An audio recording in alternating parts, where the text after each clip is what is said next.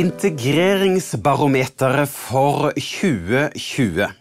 Det kartlegger befolkningens holdning til integrering her i landet, og er gjennomført av Institutt for samfunnsforskning. Over 3000 mennesker har vært med og besvart denne undersøkelsen. Og Barometeret det handler altså om nordmenns holdning til integrering. Men i samme undersøkelse så spør man òg om nordmenns holdning til religion og livssyn. Og der, der svarer hele 54% at man er skeptisk til svært troende kristne. Altså over halvparten av de spurte er skeptisk. Det har fått meg til å tenke hva er det som gjør at mennesker er skeptisk til sterkt troende? Ja, sterkt troende det kan jo høres negativt ut. At man er kanskje fastlåst eller intolerant eller på grensen til fundamentalistisk. Og hadde da spørsmålet heller vært er man skeptisk til en fastlåst, intolerant og kanskje fordømmende kristen, ja, da hadde jeg òg vært skeptisk.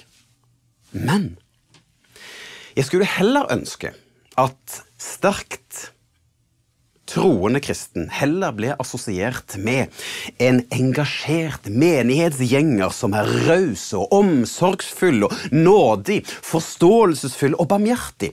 En eh, person som ønsker å leve et dedikert liv etterfulgt av Jesus. Ja, for da hadde man kanskje ikke vært så skeptisk. Jeg har eh, derfor kalt denne preken for Kristen tro er ikke prikk, prikk, prikk. For eh, jeg har lyst til å sette fokus på hva kristen tro er, og hva det ikke er. Og det er to punkter, eller to eh, eh, påstander, som jeg har lyst til å sirkle rundt. Den første, det er Kristen tro er ikke en religion, men en relasjon. Religion det er et eh, begrep som er vanskelig å definere og har mye kompleksitet med seg. Religionsforskere de må bruke mange ord og mange ulike grupperinger for å kunne definere hva dette med religion er. Og For meg så oppleves religion mer som plikt som etikk og regler, som rituelle handlinger, rituelle plikter. Og slik jeg tenker, så er eh, religion mer eh, der mennesket forsøker å finne Gud. Mens den kristne tro, det handler jo om at Gud søker oss mennesker. Fordi at Gud, han sendte jo sin sønn til verden fordi han elsket oss, for at vi skulle finne fred, for at vi skulle finne frelse og fellesskap og evig liv hos ham. Nå skal ikke jeg være så skråsikker og si at uh, kristen tro ikke er en religion, for dersom religion handler om det hellige, om det overnaturlige og det evige, så vil jeg jo si at kristen tro, ja, det inneholder det. Men kristen tro kan òg bli misforstått kristen tro. For det handler om bud og regler og plikt, og kanskje mer intolerant eh, eller en gammeldags eller fundamentalistisk tro. Og for meg så høres det ut som mer enn religion. For det jeg ønsker å sette fokus på, det er at kristen tro er mer enn relasjon. Altså relasjonen til Gud gjennom hans sønn Jesus Kristus. For han ga sitt liv for oss alle. For han ønsket å finne oss. Men relasjonen mellom Gud og oss mennesker det ble brutt ved Adam og Eva. For det var de som brakte synd inn i verden. Og du og jeg, vi fortsetter i samme spor. Kanskje ikke på samme måte, men vi gjør valg i livet vårt som ikke er etter Guds hjerte. Ja, vi kan baksnakke, være egoistiske, vi kan ta en hvit løgn, vi kan tenke først og fremst på oss selv og glemme de andre, vi kan overse andre menneskers behov. Stahet, stolthet, sinne, strid, egenrådighet, misunnelse, sladder, det å heve seg over andre, det å ta et shortcut, altså en snarvei som er til min fordel. Ja, alle disse tingene her kan òg kalles for synd, fordi at det er ikke etter Guds hjerte. Og denne synden skaper en avstand mellom Gud og oss mennesker. For Gud er hellig, og Gud er ren, og kan ikke være i berøring av det syndige. Derfor så ble Jesus gjort til synd for oss, da han ble sendt til jorda, og han døde og sto opp igjen for oss. Da ble relasjonen vår gjenopprettet med Gud. For gjennom Jesus så får vi lov til å komme til Gud. Fordi at Jesus, han ble gjort til synd for oss. Så vi er dermed invitert til et fellesskap. Til en relasjon, til vennskap med den treenige Gud. Altså Gud, vår skaper, Jesus Kristus, Guds sønn og Den hellige ånd som bor i våre hjerter når vi tar imot ham. For Gud ønsker å finne mennesker. For kristen tro det bygges ikke på plikt og bud og rituelle handlinger, men kristen tro inviteres til et liv sammen med Gud. Så gjennom bønn bibellesning og lovsang, barmhjertighetshandlinger, stillhet, gudstjeneste, forkynnelse, hellige vaner, ja, men da skapes det en dypere relasjon med Gud. Og disse hellige vanene de er ikke til for å tilfredsstille Gud, for vi klarer aldri å tilfredsstille Gud i oss selv. Men disse hellige vanene er godt for oss mennesker. Ja, men det er bra for meg å be. Det er bra for meg å lese i Bibelen. Det er bra for meg å ære ham. Jesus han sier, 'Den som elsker meg, vil leve slik jeg har befalt dere'.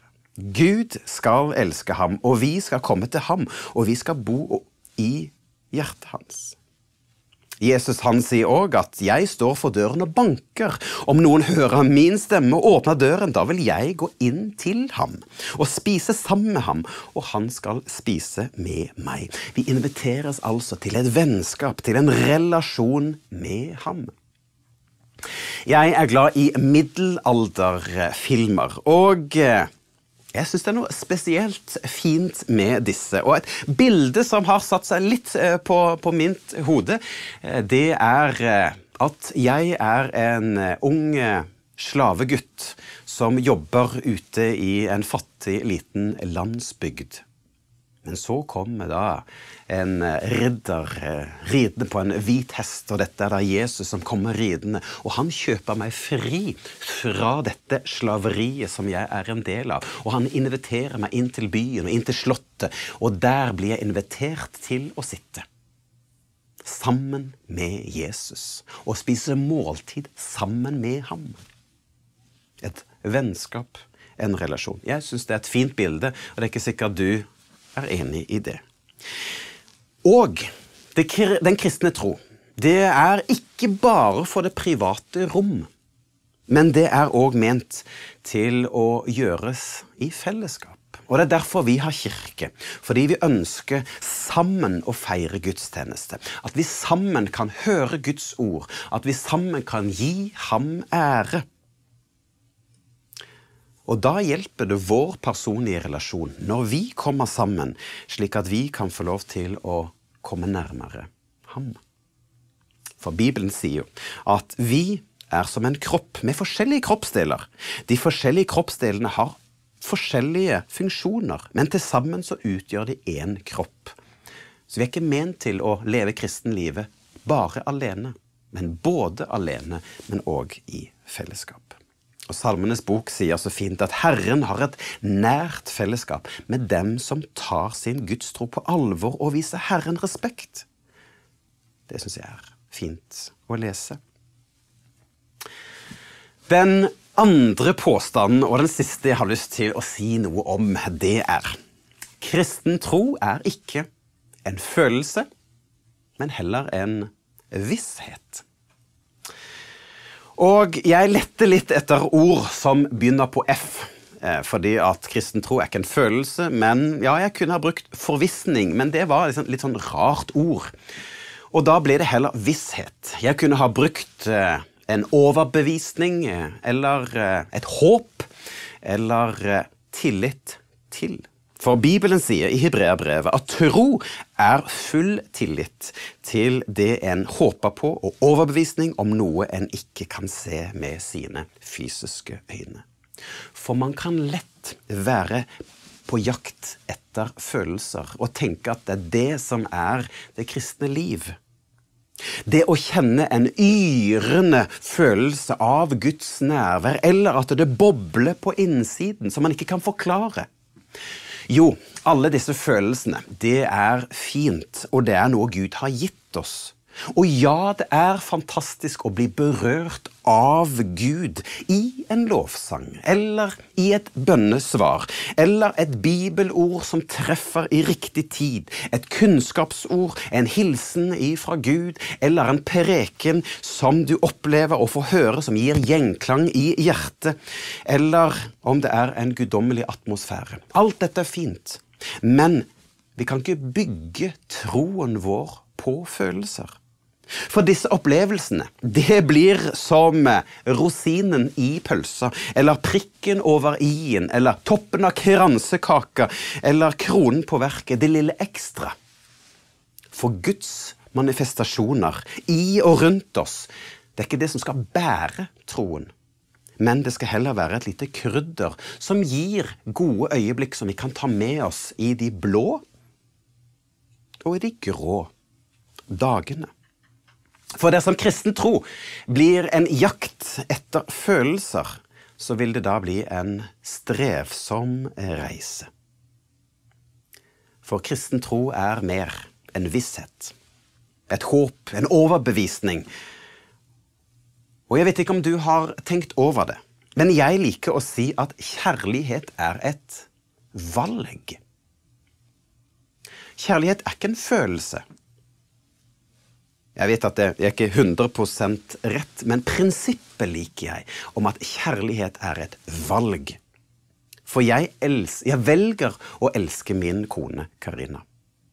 Følelser Nei, eh, forelskelse, det er en følelse.